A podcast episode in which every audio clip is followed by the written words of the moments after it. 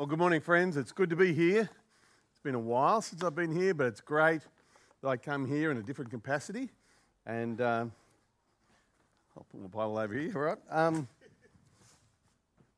yeah, I'm Jeff, and I uh, am the senior pastor of, of the Quakers Hill Church. And uh, it's a delight to see you guys grow and become what God has meant you to be over time.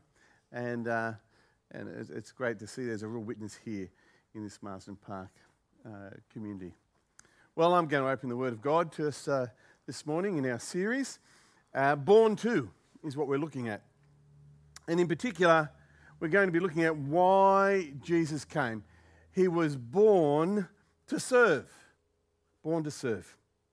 And today, we won't be just focusing on the beginning of Jesus coming to this earth, but also uh, we're going to see the end where he came, the purpose of his came, and why.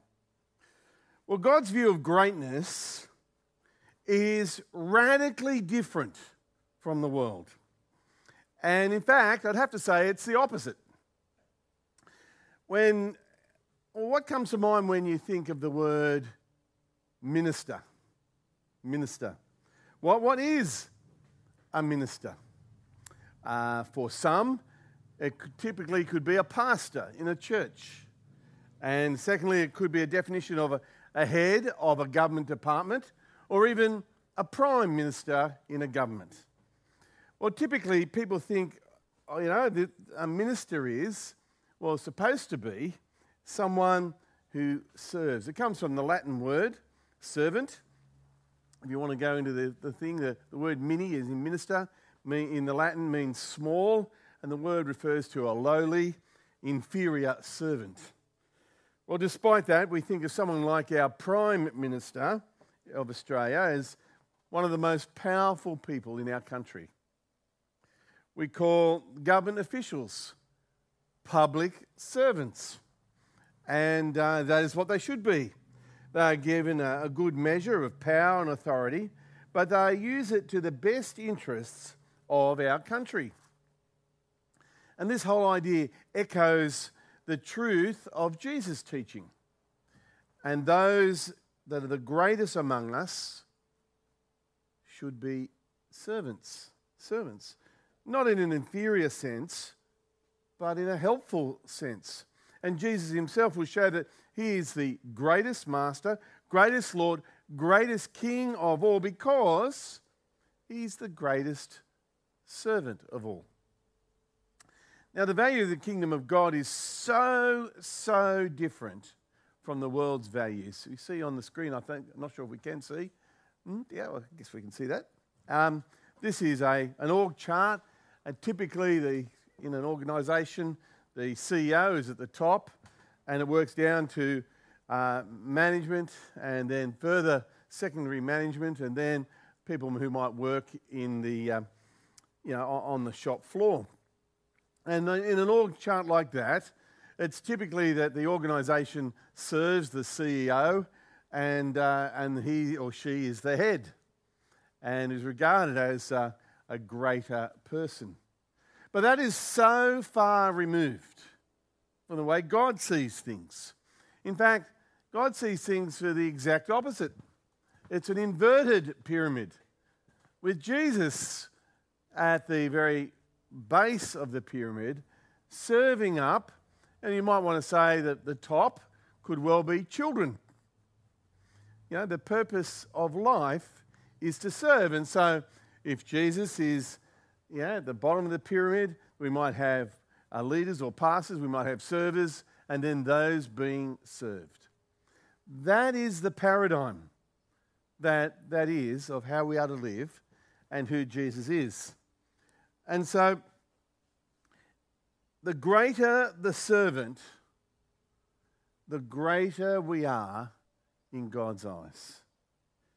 And the servant, in the world's view, is one who is lowly, but not in God's eyes. And so in Mark 10, the passage that Roy read to us was uh, Jesus picks up this in the, in the last leg of his journey, going up to Jerusalem, and there he's going to be, you know, un- unbearably treated and crucified.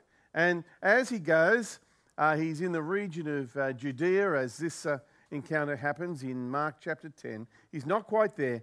And there he stops and he talks to his disciples, and it's one of those teaching moments, an important matter he raises. And so we read in verse uh, 33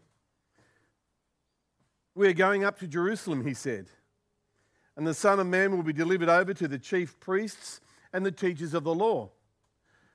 They'll condemn him to death and will hand him over to the Gentiles, who will mock him and spit on him, flog him, and kill him. Three days later, he will rise. Jesus stopped for a reality check with his disciples. He was determined to go up to Jerusalem, and that was a place of danger. He had told them, this was the third time he, he told them about this, he predicted his death. But he, in this one, he's giving it in stunning detail. The first two times, he mentioned that he would be rejected and killed, and then uh, handed over to the Gentiles, which, uh, which completes his rejection as, as the Messiah. But then in this one, he talks about his own people do not want the Messiah and, cast him out of the nation. And it goes further on the Gentiles will mock him, we're told, flog him, and kill him and insult him and shame him and injure him and finally put him to death. But he makes it clear here that three days later he's going to come back to life again. Could you imagine being Jesus? He's uh, going up to Jerusalem with his extended family. Just imagine, let's say Parramatta. We're going to walk to Parramatta. It's a, it's a long walk, I think. And uh, for me, it is. Uh, I've got a broken foot, so it's especially long. And uh, you're going up to, to see people you know, and, you know, up uh, as you get to your hometown, you know full well you'll be rejected and you'll be kicked out of the city.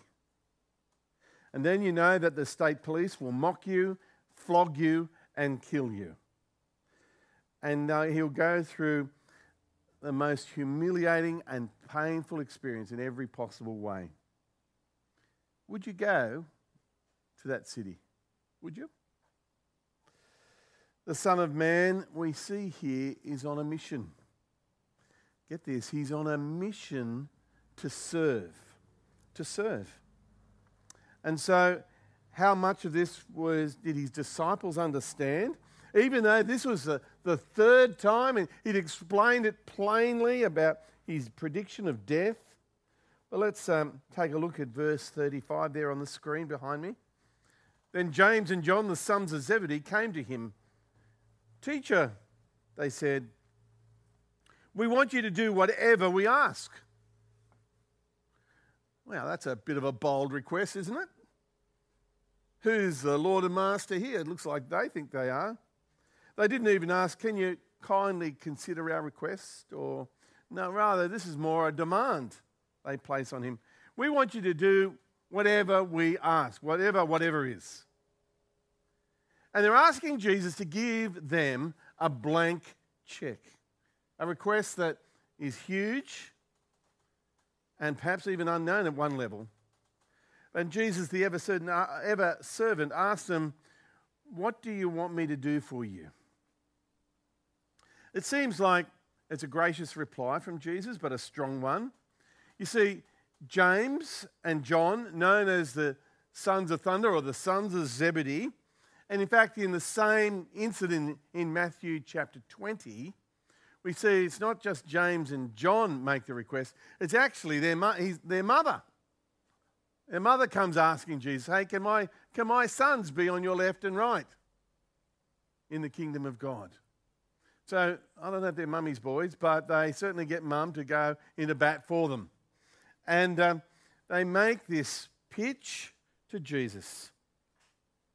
And, uh, and so the, re- the request was they replied, Let one of us sit on your right and the other uh, on your left in glory. The Zebedee family were asking Jesus to give them the two highest places in the kingdom of God next to Jesus. And they were trying to secure for themselves seats which would be above everyone else. Get this? Above everyone else. And they wanted to maneuver quickly and perhaps even secretly uh, with the other disciples. And they were acting out of selfish interest. They had uh, their selfish motives. And so, what made them think that they could come to Jesus with such a request? Well, perhaps, um, you know what it's like to have kids. Whoever asks first might be the first to get it. Or maybe, you know, they thought, you know, first in, best dressed, you know. Or maybe they thought they had a privileged position in that uh, they were part of Jesus' inner circle of disciples, even among the 12. They were chosen to go up to the Mount of Transfiguration with, uh, with Peter, and of course, James and John were there. But it also re- reveals something here, and I, I want to just highlight this this morning that these two men and their mother were in bondage to sin. They didn't get the priorities of the kingdom of God at all. They were in a, they, were in a, they didn't have any ability to break free from their own sin. And this was the third time Jesus spoke about his death, and they still did not get it. Remember the second time when Jesus predicted his death? The disciples, straight after that, were arguing, you know, and they're arguing about who would be the greatest in the kingdom of God. And Jesus corrected them in, on that occasion and said, Anyone who wants to be first must be the very last and the servant of all. And the same lesson was taught too uh, when Jesus encountered the rich man. Still, they did not get it even this time. And even though Jesus was about to die, two of the main disciples and their mum went to Jesus directly and demanded the, the top two spots in God's kingdom. Jesus finished speaking about the fact that he was going to Jerusalem to die. You think they'd talk about that, but they didn't. They failed to understand. Maybe they thought Jesus was exaggerating about his death. Or they thought maybe you know, that he might disappear maybe for three days, but go into heaven and come back with uh, the angels with all his glory and it'll be over and done with in no time. But their sinful hearts, we want to see here, is full of greed and selfish, blind ambition. And so did it, their selfishness consumed them. They did not see what Jesus was on about. They did not understand the gravity of Jesus' mission. They did not show any concern, in fact, for Jesus' suffering on this occasion or give any gravity to these words. Their minds were so puffed up and filled with the notions of glory and power and grandeur. That had consumed them. Ever been in a situation where it doesn't matter what you get as long as you're better than the person next to you? It's a bit like that. It's a bit of competition. It's a bit of, I want to be better than the other. And Jesus spoke about his death and he said, um, you know, uh, you know, he'll give whatever he asks, but, but he couldn't give this to them. Imagine how frustrated Jesus would have been. He just told them the very purpose of why he's going up to Jerusalem. Only days away, he's going to be executed. And they're quibbling over who's going to be on the left and the right hand of Jesus. Um, it would have had to have been frustrating, but Jesus tenderly guides them to the truth. We see on the screen there in verse 38 You don't know what you're asking, Jesus said. Can you drink the cup I drink or be baptized with the baptism I'm baptized with? The disciples were not knowing what they were asking for. They figured, we got an in here with Jesus. We'll have a shortcut to glory. You know, it's all about who you know. And, uh, but there was only one path to glory, and that was the same cup, or the phrase here, baptism, Jesus was to go through.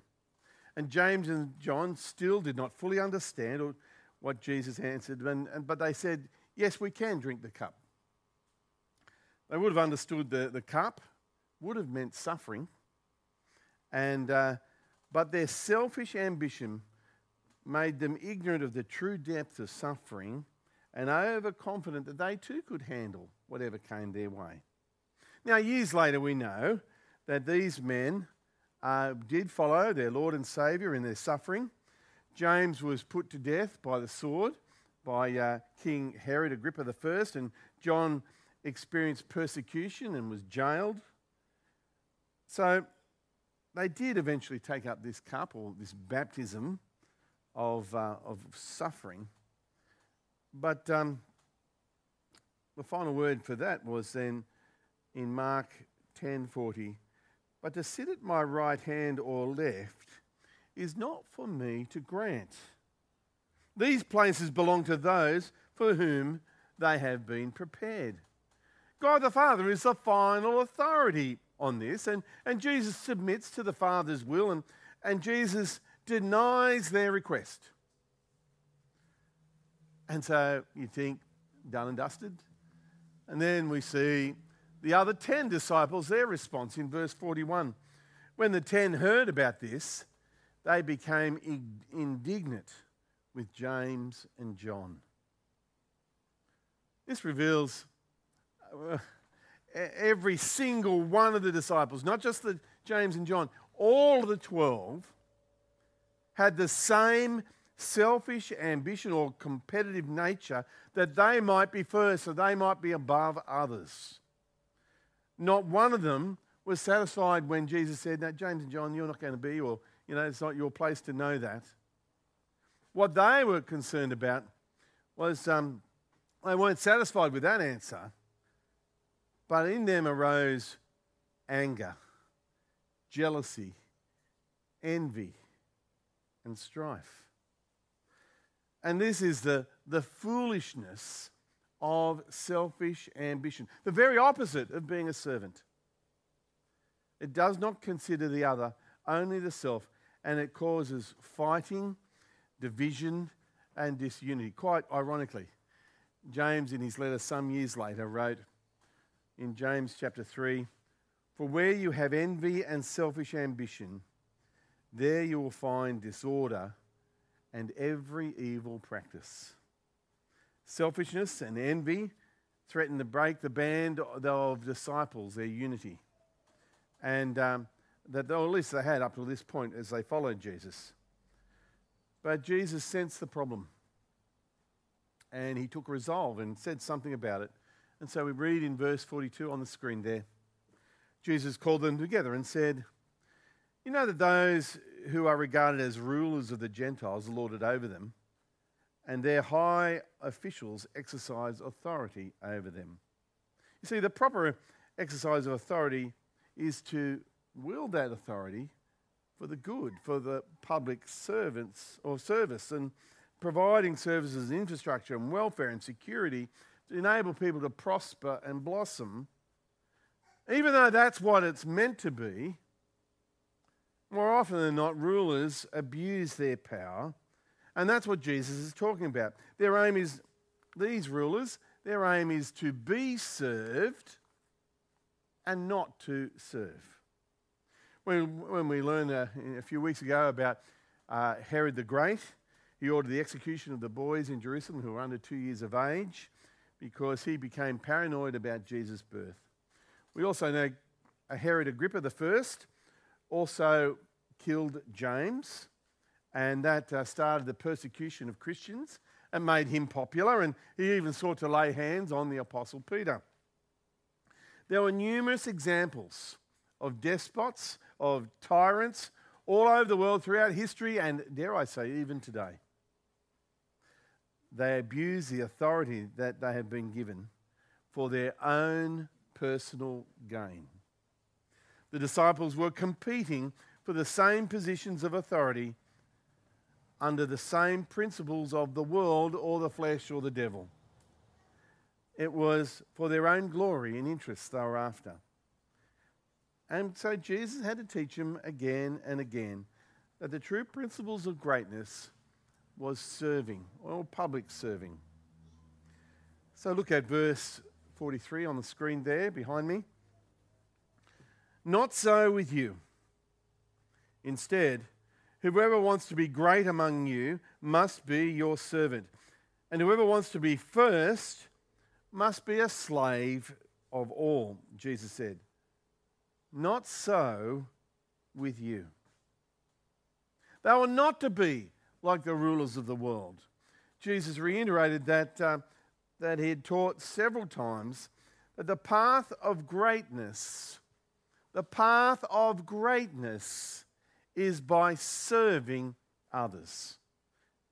And even though um, uh, he goes a step further, actually, about serving, he says, uh, the one in the first place, the greatest servant, so to speak, is to be a slave of all. There's no shortcuts to glory, friends. And um, we get to follow in the same path that Jesus did, that he walked. He didn't just tell us what to do, he did it as well. And we, all, we uh, can all be pleased to read that last verse in that chapter, verse 45. For even the Son of Man did not come to be served, but to serve, and to give his life as a ransom for many. What a beautiful statement. All of Jesus' teaching on suffering and humility and serving come down to this. In fact, for many, this is considered to be the key verse in Mark's Gospel. This is the greatest claim Jesus makes about himself and the, the meaning of his life and his mission, his death by giving himself, being a servant, being a ransom for many. Now, a ransom is a price paid for the liberation of a captive or a prisoner. And like uh, if someone was kidnapped or taken a prisoner, a ransom would be purchased to free that individual. Well, Jesus willingly laid down his life, he gave it as a ransom to buy our freedom. We were in bondage to sin and could not escape and we saw that even the, those closest to Jesus, the 12, they too were trapped in their sin and often reveals their selfishness and lack of understanding because of it. And we're told here that Jesus came to drink the bitter cup of wrath. And well, he uses the phrase baptized, sort of like being plunged into the coldest, deepest, most violent waters to bear our suffering and our guilt and to die in our place for our sins. We were once held captive to our sins, but Jesus offered, friends, to free us. And many are saved. Many are saved by the precious blood of Jesus. Ransom usually is one to one, where our life is exchanged for another. Perhaps uh, someone of great worth, say an, an army general or a, C, a CEO of BHP, they might be ransomed for multiple people, maybe five or ten people. But Jesus' blood is worthy enough to ransom all who believe in him without limit. And everyone who puts their faith in Jesus will be saved. So when Jesus came to serve, he really served everybody. He did not just come for a week to die for us and then ascend into heaven.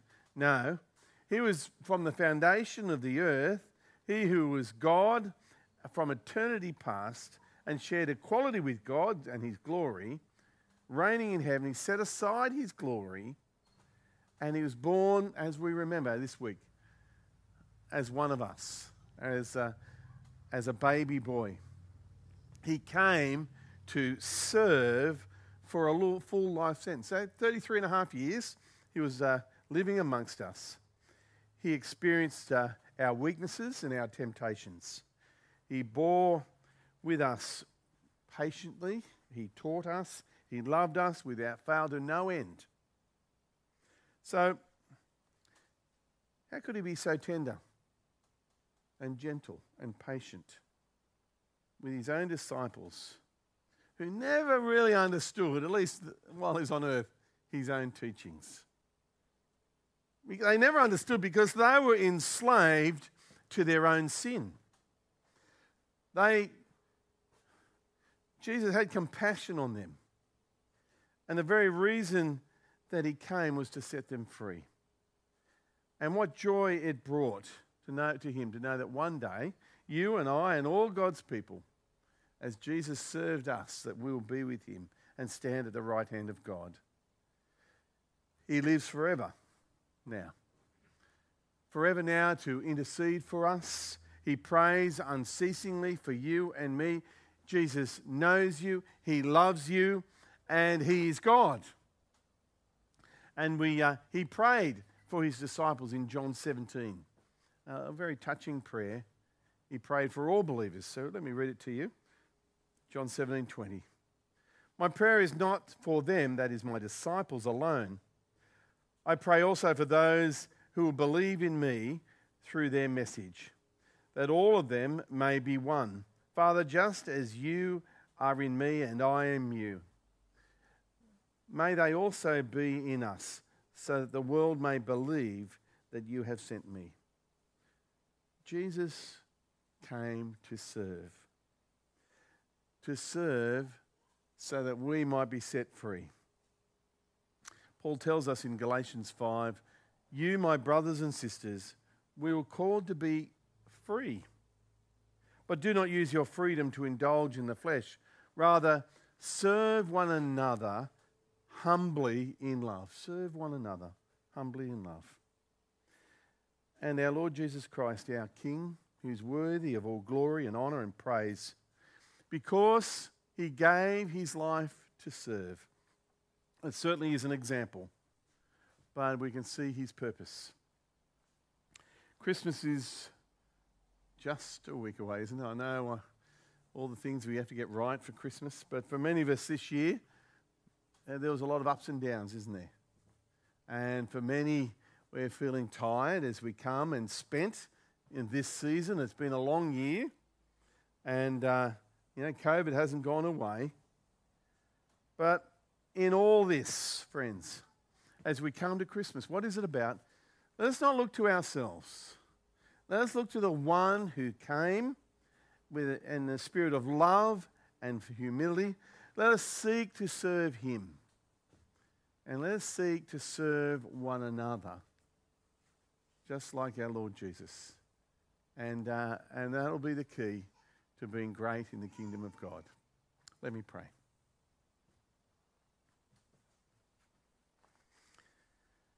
Lord God, we thank you. We thank you that Jesus' uh, purpose to come into this world was to be born and to serve, to be a ransom for our sins. And we are so grateful for this. And may, Lord, we pray as we come into this Christmas season May not we have that selfish ambition or that will blind us to be servants of others. We pray, Father, you would help us this week not to lose sight that Jesus came to serve, and that is the greatest thing to do. And help us, we pray, that we too might serve you well with all our heart and our soul and our strength. And we pray this in the name of Jesus, who loved us and served us. And all God's people said, Amen. Amen.